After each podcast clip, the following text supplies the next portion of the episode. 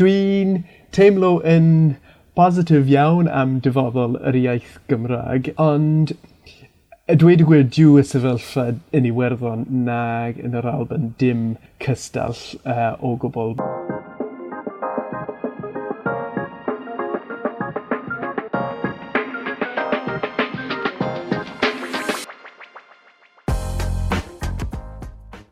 Helo a chroeso i benod rhif deg o hefyd, y podlediad am ddysgwyr Cymroeg gyda fi, Richard Nosworthy. Bob mis dwi'n siarad gyda dysgwyr gwahanol er mwyn ffeindio allan am ei fywyd a pham a sut maen nhw'n dysgu'r iaith. Wel, rydyn ni wedi cyrraedd carreg milltir y mis yma. Mae'n flwyddyn ers i fi ddechrau'r podlediad. Y sgwrs cyntaf nôl y mis chwefror llynedd oedd gyda Walter Brooks o Batagonia yn y penod peilot – Felly diolch eto am rando a chyfrannu. Hoffwn i glywed eich adborth, cwestiynau a syniadau am benodau eraill. Felly, beth am anfon neges at y fi trwy Twitter, at podlediad hefyd, gyda'ch sylwadau. Mae ein gwestai ni y tro yma yn dod o Iwerddon yn reiddiol. Arbenigwr ar adfywio ieithoedd ydy Dr Ben o Ciele.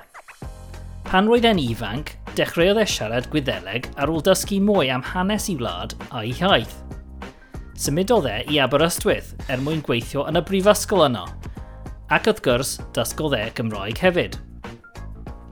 Yn ein sgwrs trafodon ni'r gwahaniaethau rhwng y ddwy iaith a'i fywyd yn Iwerddon, ond dechreuon ni gan siarad am ei fywyd yma yng Nghymru – Wel, symoddais i i Gymru um, mis Medi, tipyn bach mwy y blwyddyn nôl nawr, blwyddyn a can o'r bron iawn. Um, a des i yma i weithio yn y brifysgol fel uh, athro um, Gwyddelig uh, Gaelig yr Alban, darlith y dwi yn adran uh, y Gymraeg ac ystudiaethau Celtaidd, a uh, fel dwi'n dweud, dwi, dwi, fi sy'n dysgu uh, y dosbarthiadau uh, gyda'r ieithoedd um, Gaelig, um, a A hefyd dwi'n dysgu um, dosbarthiadau am bolisi iaith um, adfywio iaith. Um, a dyna really, um, uh, y pwnc um, sy'n, wel, mewn ffordd, dwi'n arbenigwr yn y maes na. Dwi wedi gwneud PhD a grad, mas, grad masters hefyd am adfywio iaith. Um, felly dwi'n uh, dysgu y modiwl na hefyd. Wel, diddorol iawn. Um, a byddwn ni'n siarad ychydig bach am hynny uh, yn y man, ond uh, i siarad am y Gymraeg i ddechrau, um, pryd a pam nes ti ddechrau dysgu Cymraeg? Nes i ddechrau pan symudais i i Gymru, i Aberystwyth, um, a, wel, ro'n i'n just cymryd, wel, dwi'n symud i Gymru. Uh, Byddai'n byw yn Aberystwyth, gweithio yn adran y Gymraeg ac astudiaethau celfyddaidd wrth gwrs um, bod fi angen dysgu uh, yr iaith. Um, yn enwedig fel rhywun sy'n sy, siarad um, gwyddelig a gweithio yn maes yr adfywio iaith, dwi'n deall yn dda iawn pa mor bwysig yw e. Um, uh, bas y pobl yn, yn dysgu y ieithoedd lleafrifol. Um, a wrth gwrs, dwi, dwi wrth fy modd i gael y gyfle i, cyfle i ddysgu Cymraeg yma. Um, a yeah, dwi, dwi jyst eisiau um, cefnogi uh, pobl a cymuned uh, yr iaith uh, yma yn Cymru yn amlwg mae ieithoedd yn arbennig y ieithoedd uh, bach yn bwysig i ti? Yndyn, yndyn, cant y cant. Dwi, um, fel dwi'n dweud, dwi siarad gwyddeleg, nes i um, uh, grad Masters a wedyn PhD um, adfyw yw iaith. Um, nes i hwnna yn yr Alban yn uh, Geiredyn, um, nes i fy PhD um, yn uh, nes i dysgu um, uh, Gaelig yr Alban ar, ar y pryd pan ro'n i'n byw yn yr Alban um, dros pum mlynedd. Um, uh, a ar yr un pryd nes i ddysgu Manaweg hefyd, uh, ro'n i'n nabod rhywun oedd yn dod o, um, sy'n dod o'r Ynys Manaw, felly um, yeah, mae, mae nhw'n bwysig iawn i fi. Felly am y Gymroeg te, rwy si wedi dysgu'n gyflym iawn. Beth yw'r cyfrinach i ddysgu i fod mor rigol o fewn blwyddyn a hanner, dwy flynedd? Ond dwi ddim yn teimlo mor rigol o gwbl, ond uh, diolch. Um, uh, y peth pwysiga yw gwneud y gwaith. Does dim ffordd arall. Mewn ffordd mae'n eitha diflas fel cyfrinach, ond um, really, yr un peth yw... Sdim at os ti'n gwneud y gwaith dros dwy flynedd neu deg mlynedd rhaid i fi gwneud um, ecs rif o oriau um, i ddysgu yy ei ei fod yn rigol yn unrhyw iaith dim ots pa iaith yw e. Um, a dwi wedi treulio lot lot o amser yn gweithio ar fy Nghymraeg dros y uh, blwyddyn ac hanner ers i fi symud i Gymru. Um, felly um, wedi bod yn gwneud dosbarthiadau um, ar-lein ar Zoom gyda dysgu Cymraeg. Um, uh, mae hyn yn wych. Nes i uh, cwrs haf dros um, mis aws diwetha um, gyda um, Prifysgol Aberystwyth. Roedd hyn yn wych. Um, a nawr dwi'n gwneud um, deg uh, awr o ddosbarthiadau bob wythnos. Felly mae'n eitha dwys. Um, ond dwi'n wrth fy modd gwneud e. Mae'n wych, um, mae'n mor dda bod cymaint o gyfleoedd i ddysgu'r iaith yma yng Nghymru. Oes, oes. A pan rwy'n ni'n siarad gyda ti wythnos diwetha i baratoi am y sgwrs yma, oedd ti'n siarad am y cefnogaeth rhys i wedi cael tu allan i'r dosbarth? E, e Mae'n mae really gwych um, a dweud y gwir. Mae cymaint o, o, um, o bethau yn digwydd ar gyfer uh, dysgwyr, um, dim just dosbarthiadau, ond cyfleoedd i, i ddefnyddio'r iaith yn cymdeithasol a um, siarad gyda pobl, gwrando ar sgwrsiau diddorol am o, hanes Cymru neu ar amgylchyd neu beth bynnag. Mae bob, bob fath o beth ar gael um, uh, grwpiau darllen. Um, ond hefyd, uh, rhaid i fi dweud, mae'n bwysig i fi dweud, dwi'n dwi mor diolchgar i bawb sydd wedi bod yn fodlon siarad Cymraeg gyda fi. Siaradwyr rigol sy wedi treulio amser yn siarad gyda fi er bod fi'n struglo a bod fi wedi... Um, yeah, wel, fel pawb sy'n dysgu iaith, um, mae'n anodd, dwi'n gwneud llwyth o um, gamgymeriadau, um, ond mae pawb wedi bod yn, yn môr neis a um, pawb yn cefnogi fi um, ar fy nhaith iaith um, gyda'r Gymraeg. Felly, um, de, rhaid fi dweud diolch i bawb um, sydd wedi helpu fi ddysgu. Ac, ac dwi'n deall um, bod yr adran ble rwy ti'n gweithio yn y prifysgol yn defnyddio'r, defnyddio Gymraeg fel prif iaith uh, i gwaith nhw. Sut, sut oedd hynny pan dechreuais ti? Roi bod hynny wedi bod yn anodd? Um, roedd, ond... Um, roedd yn anodd, ond... Um, ar un pryd, um, dwi'n teimlo um, lwcus iawn achos dwi'n gallu clywed lot o Gymraeg um, trwy fy ngwaith. Um, yn aml iawn dwi'n gwybod bod dysgwyr um, wel weithiau yn, yn stryglo i gael cyfleoedd i glywed pobl yn siarad yr iaith yn naturiol neu pobl, um, uh, yeah, just dim hefo cyfle fel, fel um, na. Felly, um, mae'n wych um, yr e-bus di gyd, y cyfarfoddau i gyd, mae'n trwy gyfrwng y Gymraeg. Um, ar y dechrau, um, pan do'n i ddim yn siarad Cymraeg o gwbl, um, roed rhywun yn dod i'r cyfarfodydd, uh, well, rhywun yn ar-lein ar y pryd, ond um, rhywun yn uh, gwneud cyfieithu ar y pryd, um, just i fi, ond roedd rhywun yn dda iawn, ond wrth gwrs rhywun i'n um, uh, uh, really, rwy'n i eisiau wneud yn siŵr bod ni'n gallu cymryd rhan yn, yn waith yr adran trwy gyfrwng y Gymraeg um, um, mor gyflym a phosib. Um, a naeth, fel, fel dwi'n dweud, naeth pawb yn yr adran uh, helpu fi yn fawr a rwy'n wastad yn, yn fodlon um, siarad gyda fi yn Gymraeg a, a cefnogi fi um, ar y ffordd. Felly, wyt ti'n defnyddio'r Gymraeg yn y gymuned, gyda ffrindiau, teulu erbyn hyn? Ydw, um, dwi'n lwcus iawn achos dwi'n nabod lot o bobl sy'n siarad y Gymraeg um, yma yn Aberystwyth. Um, dwi hefo ffrindiau a dyn ni wastad yn siarad Cymraeg. Eto, dwi mor diolch, diolchgar iddyn nhw i gyd achos maen nhw wedi um, helpu fi cymaint um, dysgu uh, yr iaith. Mae'n mae dda mynd i ddosbarthiadau a um, uh, digwyddiadau ar gyfer dysgwyr, ond um, mae'n lot well os ti'n gallu just siarad yr iaith gyda pobl um, fel rhywbeth naturiol. Um, uh, wedi helpu fi lot um, uh, siarad Cymraeg gyda ffrindiau a pobl uh, dwi'n nabod yma yn Aberystwyth. Gwych iawn. Felly, pan nes ti symud i Gymru a, a trwy'r proses o ddysgu Cymraeg, ydy hi wedi bod um, fel oedd y ti'n disgwyl? Ydy hi wedi bod yn surprise? Sut mae'r Gymraeg yn cael ei defnyddio, y proses dysgu? Wel, dwi hefo lot o brofiad yn yr Alban ac yn Iwerddon yn gweld sut mae pethau yna uh, ar gyfer dysgwyr a dwi wedi gweithio fel, fel athro yn, y, yn Iwerddon ac yn yr Alban hefyd a dwi'n gwybod does dim yr uh, un lefel o gefnogaeth o gwbl ar gyfer pobl sydd eisiau dysgu um, ieithoedd um, uh, yn, yn Iwerddon ac yn yr Alban. Um, felly uh, mae'n wych, dwi rili really wrth fy modd gweld um, uh, popeth sy'n ar gael yma yng Nghymru. Um, mae'n lot well na ro'n i'n disgwyl roed i fi dweud.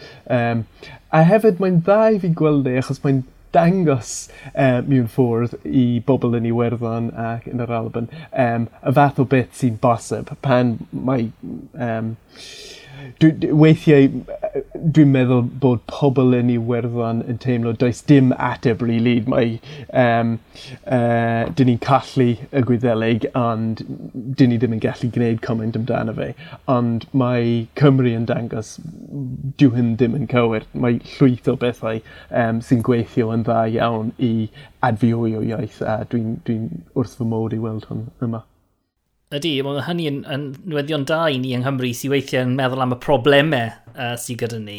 Um, ac i sôn am y gwyddelig um, am ychydig, um, i bobl sydd ddim yn gwybod llawer am y iaith, beth yw cyflwr iaith gwyddelig ar hyn, ar hyn y bryd? Wel, mae'r gwyddelig yn um, iaith swyddogol um, yn Iwerddon, yn y Republic beth bynnag, uh, felly mae mae'r iaith hefo lot o gefnogaeth swyddogol mewn un ffwrdd. Um, mae um, popeth swyddogol um, gan y Llywodraeth yn dwyieithog, ond um, ar un pryd, falle y problem mwyau yw, wel, fel bob um, iaith lleafrifol, dyn ni ddim hefo digon o... Does dim digon o siaradwyr gyda ni. A hefyd, dyn ni'n colli yr um, ardaloedd ble mae uh, y Gwyddeleg yn iaith cyffredinol um, uh, cymuned. Bob dydd mae pobl yn siarad yr iaith um, mewn sawl ffordd, uh, sawl lle yn Iwerddon, ond um, mae lot o broblemau yna yn yr ardaloedd na. Dyn ni'n galw uh, nhw y gweltocht. Um, dyna, um, sef uh, rhywle ble mae pawb yn, wel, ble mae yr Gwyddelig yn iaith arferol y cymuned. Uh, mae llwyth o broblemau yn yr ardaloedd na o ran um, uh, swyddi, does dim digon o waith ar gael yn enwedig ar gyfer pobl ifanc. Mae um, problemau, just fel yng Nghymru, um, problemau gyda tai haf, mae'n mae, mae anodd, anodd iawn i gael rhywle i fyw yn yr ardaloedd na, um, hyd yn oed os ti'n gallu cael swydd. Um, felly, um, dyn ni, Mae, mae pobl ifanc yn enwedig yn gadael yr ardaloedd na uh, symud i ffwrdd um, a dyn ni'n colli uh, y cymunedau 'na fel um, lleoedd ble mae yr iaith yn gryf. Um, wrth gwrs mae pethau da yn digwydd yn y um, yn uh, y gweltocht, ond mae lot o bobl yn gwneud gweith, gweith pwysig iawn yna i gyfnogi'r iaith a um, i wella y sefyllfa, ond mae'n mae, dal, dal eitha heriol. Um, Mae pobl hefyd yn gwneud pethau dda yn y dinasoedd um, a mae lot o, o waith pwysig yn cael ei wneud ar hyn o bryd yn uh, gogledd Iwerddon. Um, mae, um, mae nhw wedi bod yn stryglo ers hir i gael um, um, uh, act um, iaith uh, yn Iwerddon, yn, yn y gogledd Iwerddon, a gobeithio bydd hyn yn digwydd cyn bo hir um, a bydd uh, hawliau iaith swyddogol uh, gyda siaradwr gwyddelig yn y gogledd uh, cyn hir uh, eleni. Ie, yeah, ie, yeah, well, gobeithio yn wir. Uh, Mae'r ma, ma gwyddelig wrth gwrs yn rhan o, o dy stori bersonol di, rhan o dy deulu di. Um, oedd y gwyddelig yn rhan o dy blentyn dod? Ydy hi'n iaith gynta dy fywyd di? Nac ydi, really. Dwi'n siarad nawr, um, dwi'n siarad gwyddelu gyda fy mam, a ro'n i'n arfer siarad gwyddelu gyda fy nain hefyd, ond um, uh, mae hi wedi marw nawr, ond um, pan ro'n i'n plentyn, ro'n i'n siarad Saesneg yn y tŷ, um, dwi'n cofio roedd fy nhad arfer siarad gwyddelu gyda ni pan oedd yn grac. Dwi ddim yn gwybod pam, ond dyn yr un tro. Um, ond um, pan ro'n i'n falle, um, ddim yn gwybod, 15, 16, 17, wneud i ddechrau darllen lot am hanes i Iwerddon a effaith uh, uh, gwledydd chi. Um, os ydy hyn y gair cywir um, colonialism ar um, Iwerddon. A nes i ddechrau yn meddwl am yr wyddeleg fel rhywbeth gwleidyddol. Um, dim just punk yn yr ysgol ro'n i'n gwneud bob dydd, um, ond yn cysau. Um, nes i ddechrau yn meddwl, wel, mae'n mae dwp bob i ddim yn siarad gwyddeleg gyda fy, fy, fy nheulu. Mae'n um, mae'n afnadwy, mae'n e, just dangos effaith e, uh, gwladwch chi yn Iwerddon e, um, sydd wedi dynastrio uh, gwyddeleg fel iaith uh, yr ynys. Um, a nes i benderfynu pan ro'n i'n tu 17 i newid uh, cymaint o phosib i just siarad gwyddelig gyda ffrindiau, um, teulu um, ac yn bob sefyllfa cymdeithasol o'n i'n gallu. Um, a dwi dal yn trio wneud hwn heddi. A beth oedd y mateb dy ffrindiau a teulu ar y bryd? Um, ro'n nhw'n eitha cefnogol, ond dwi'n gwybod hefyd roedd yn anodd Yn enwedig gyda fy nain dwi'n cofio, roedd hi'n hen iawn ar y pryd hyd yn oed, a dwi'n gwybod oedd hi'n stryglo ar ôl siarad uh, Saesneg gyda fi um, uh, ers blynyddoedd. Roedd yn anodd iddi hi cofio siarad gwyddelig gyda fi. Um, Ond, roedd hi'n wrth e, um, bod siarad gwyddelig gyda fi, uh, ond dwi'n gwybod oedd hi'n stryglo i gafio, o, oh, ie, yeah, dyn ni nawr siarad gwyddelig um, y ddau ohono ni. Um, felly, oedd hi'n weithiau slipio nôl i'r Saesneg um, uh, heb feddwl. Um, ond, y rhan fwyaf o, o bobl yn fy mod rhwng yn cefnogol, um, hyd yn oed um, y pobl oedd dim rili really yn, dim really yn deall um, pam rwy'n i'n teimlo mor grif amdano fe.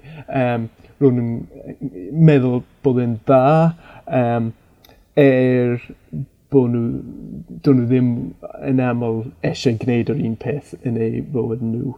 Ie, yeah, mae'n swnio ychydig bach yn wahanol efallai. Yn, yng Nghymru mae llawer o bobl sydd ddim yn gallu siarad Cymraeg wrth gwrs, ond oes mwy o bobl yn y werddon sydd falle yn gallu siarad iaith, ond sydd ddim, sydd penderfynu peidio?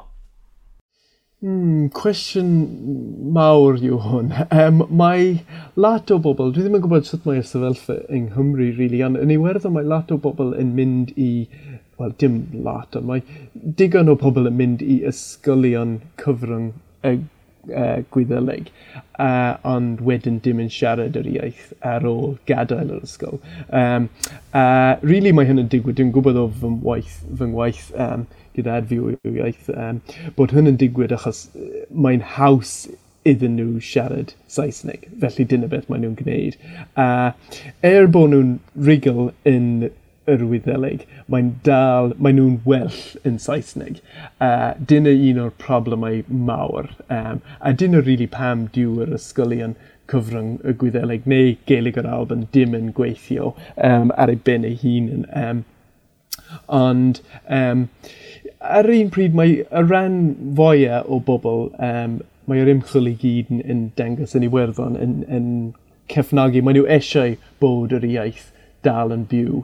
Um, ond cwestiwn arall yw gwneud y hol waith i gyd sy'n angen i, i gadw yr iaith yn fyw yn y bywyd personol, os ydy hyn yn gwneud sylwyr. Ydy, ydy. A wyt ti'n dod o ardal lle mae'r iaith yn gryf? Nac ydw, na. Um, dwi'n tua hanner awr, 45 munud falle, ofyn hi mae um, ardal ble mae'r iaith um, dal yn, wel, eitha cryf, ond, um, ond dim yn ardal fi na. Um, Rwy'n i'n gwneud yr um, uh, gwyddelig yn yr ysgol bob dydd, ond dim yn siarad uh, yr iaith yn y cymuned. Dwi'n cofio mynd ar wyliau gyda fy'n ah, heili pan ro'n i'n pum mlynedd i ardaloedd ble oedd yr, um, yr iaith yn gryf iawn, a dwi'n cofio siarad gwyddelig am y tro cyntaf yn prynu hif yn iar pan ro'n i pum mlynedd, ond um, dim yn uh, yr ardal ble ges i fy magu, dim rili really, na. Ie, yeah, ie. Yeah. Wel, mae'n ddiddorol iawn i gymharu y Gymroeg a'r Gwyddelig, wrth gwrs. Um, pam ti'n meddwl bod y sefyllfa mor wahanol yng Nghymru? Mae, mae pobl yn meddwl am, am Iwerddon fel gwlad grif, annibynnol, a mae Cymru, wrth gwrs, ddim gyda cymaint o annibyniaeth, ond eto mae'n swnio fel bod y Gymraeg yn, yn neud yn, yn cymhanol da. Ydy, um, mae ysgrifennwr um, da sy'n siarad lot am uh, hanes y Wyddeleg. Um, Thomas McShimon yw ei enw. Wnaeth ei ysgrifennu llyffr ddawr enw The Broken Harp, um, hanes yr Wyddeleg a uh, sefelfa yr iaith heddi.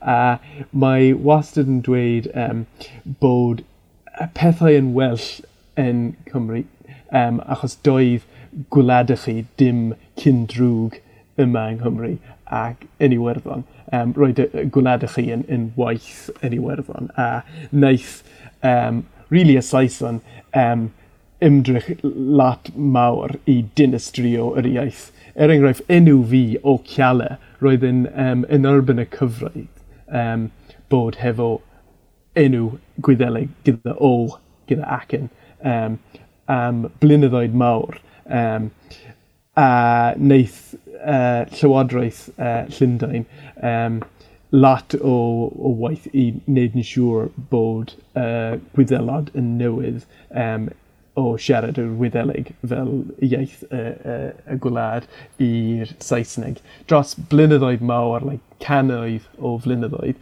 Um, felly proses hir uh, iawn, ond um, cryf iawn oedd e uh, hefyd um, dinistrio yr iaith yn Iwerddon. Roedd yn roedd y proses na'n gryfach na yng Nghymru. A mae yr ateb mhm. rili really, o, o uh, môr um, hawdd a hynny. Ie, yeah, ie. Yeah. Mae'r ma um, traddodiadau yn, yn bwysig hefyd. Dwi'n meddwl am cerddoriaeth er enghraifft, mae'n rhan bwysig o cynnal y Gymraeg a'r Gwyddelig, a dwi'n deall bod, bod hynny wedi bod yn elfen o siwrnau ieithyddol, uh, fe est i gig uh, pan oedd ti'n ifanc, a roedd hynny yn rhan o newid y ffordd oedd ti'n meddwl am, am y iaith? Do, dwi'n cofio pan ro'n i'n un deg saith nes i sgipio uh, diwrnod yn yr ysgol i fynd ar y bos i dinas Galway i weld um, grŵp punk. Uh, dwi'n wrth o mod gyda cydoriaeth punk. Um, a roedd y grŵp ma o'i poloi yw ei enw nhw um, sy'n dod o'r Alban, ro'n nhw'n canu yn Gaeleg yr Alban. A dwi'n cofio nhw'n siarad am um, pa mor bwysig yw ieithoedd lleiafrifol yn yr un ffordd dyn ni eisiau cefnogi um, uh, amrwyaeth yn yr amgylchyd, dylen ni gwneud yr un peth o ran um, cwestiynau um, uh, o ran diwylliant. Um, a dyna really y pryd pan nes i benderfynu, o, oh, rhaid i fi gwneud lot mwy um, i wneud yn siŵr bod fi'n siarad Gwyddeleg uh, mor, uh, mor aml a phosib. Um, achos nes i skipi o'r y diwrnod na yn yr ysgol, mae e wedi newid fy mod i gyd mewn ffwrdd. a rwy ti wedi bod yn rhan o, o fudiadau sy'n debyg i gymdeithas yr iaith Gymraeg, dwi'n cymryd? Ydw yn Iwerddon uh, ac yn yr Alban hefyd, um, dyn ni hefo um, mudiad o'r enw Mishnach, um, a mae'r un gair, gair yn uh, dau iaith yn Gwyddeleg ac yn uh, Gaelig yr album. Mae'n golygu rhywbeth tipyn bach wahanol, ond um, misnwch um, a dyn ni'n trio bod fel uh, cymdeithas yr iaith. Um, dyn ni'n llai, um, ond dyn ni'n gwneud uh, ein ngorau ni i, i um, wella sefyllfa yr ieithoedd yn y, yn y dau wlad uh, na. Ie, yeah, ie. Yeah. A rwy ti, wrth gwrs, yn y gwaith, trwy'r gwaith, trwy'r dysgu rwy ti wedi wneud, ti'n arbenigwr ebyn hyn ar y ieithoedd Celtaidd a falle ieith, ieithoedd eraill hefyd. Sut ydy'n teimlo am dyfodol y, y Gymraeg, y, y, y Gaeleg yr Alban, um, Gwyddelig a, a ieithoedd llefrifol? Um, sut ti'n teimlo am sut maen nhw'n mynd i ddatblygu yn yr, yn yr ynasoedd yma? Mm, Dyna cwestiwn mawr arall. Um, Dwi'n teimlo yn positif iawn am dyfodol yr iaith Gymraeg. Um, fel dwi'n dweud, mae'n wych i fi gweld uh, cymaint o, o um, gefnogaeth ar gyfer ar mwyn yr iaith yma. Um, ond dweud y gwir diw y sefyllfa yn Iwerddon nag yn yr Alban dim um, cystall uh, o gwbl. Mae, mae um, pethau lot mwy heriol. Um, a really dwi'n meddwl, dwi wastad yn meddwl am ieithoedd lleiafrifol fel, wrth gwrs, mae cwestiwn gwleidyddol um, yw unrhyw cwestiwn am um, ieith lleiafrifol. A um, dwi'n gweld bod yr uh, system economaidd y cyflefiaeth yn dinistrio amrywiaeth um, ieithoedd. Um, a dyna'r problem mwyaf dwi'n gweld, ond wrth gwrs mae y cefalafiaeth yn dinistrio yr amgylchyd hefyd. Um, ond dwi'n meddwl bod mwy a mwy o bobl yn gweld hwn yn diweddar, a mewn ffordd, er bod y sefyllfa yn drwg iawn o ran lot o ieithoedd lleiafrifol ac wrth gwrs o ran yr, uh, yr amgylchyd, dwi'n mewn ffordd yn, wel, dwi'n gobeithio o leia bydd um, rhywbeth yn, yn digwydd i newydd uh, y system na. Um, uh, a felly gobeithio fysa hwn yn, yn wella sefyllfa o ran yr amgylchyd, hawliau gweithwyr, ond hefyd um, uh, roi mwy o gefnogaeth i gymunedau bach um, sy'n angen um, newid uh, uh, marchnata tai neu um, gwneud beth bynnag sy'n angen i gefnogi i ieithoedd lleafrifol hefyd. Pam mae'r ieithoedd yma mor bwysig, wyt ti'n meddwl? Pam fydde ti'n dweud wrth gwleidyddion bod rhaid i ni achub y ieithwedd yma?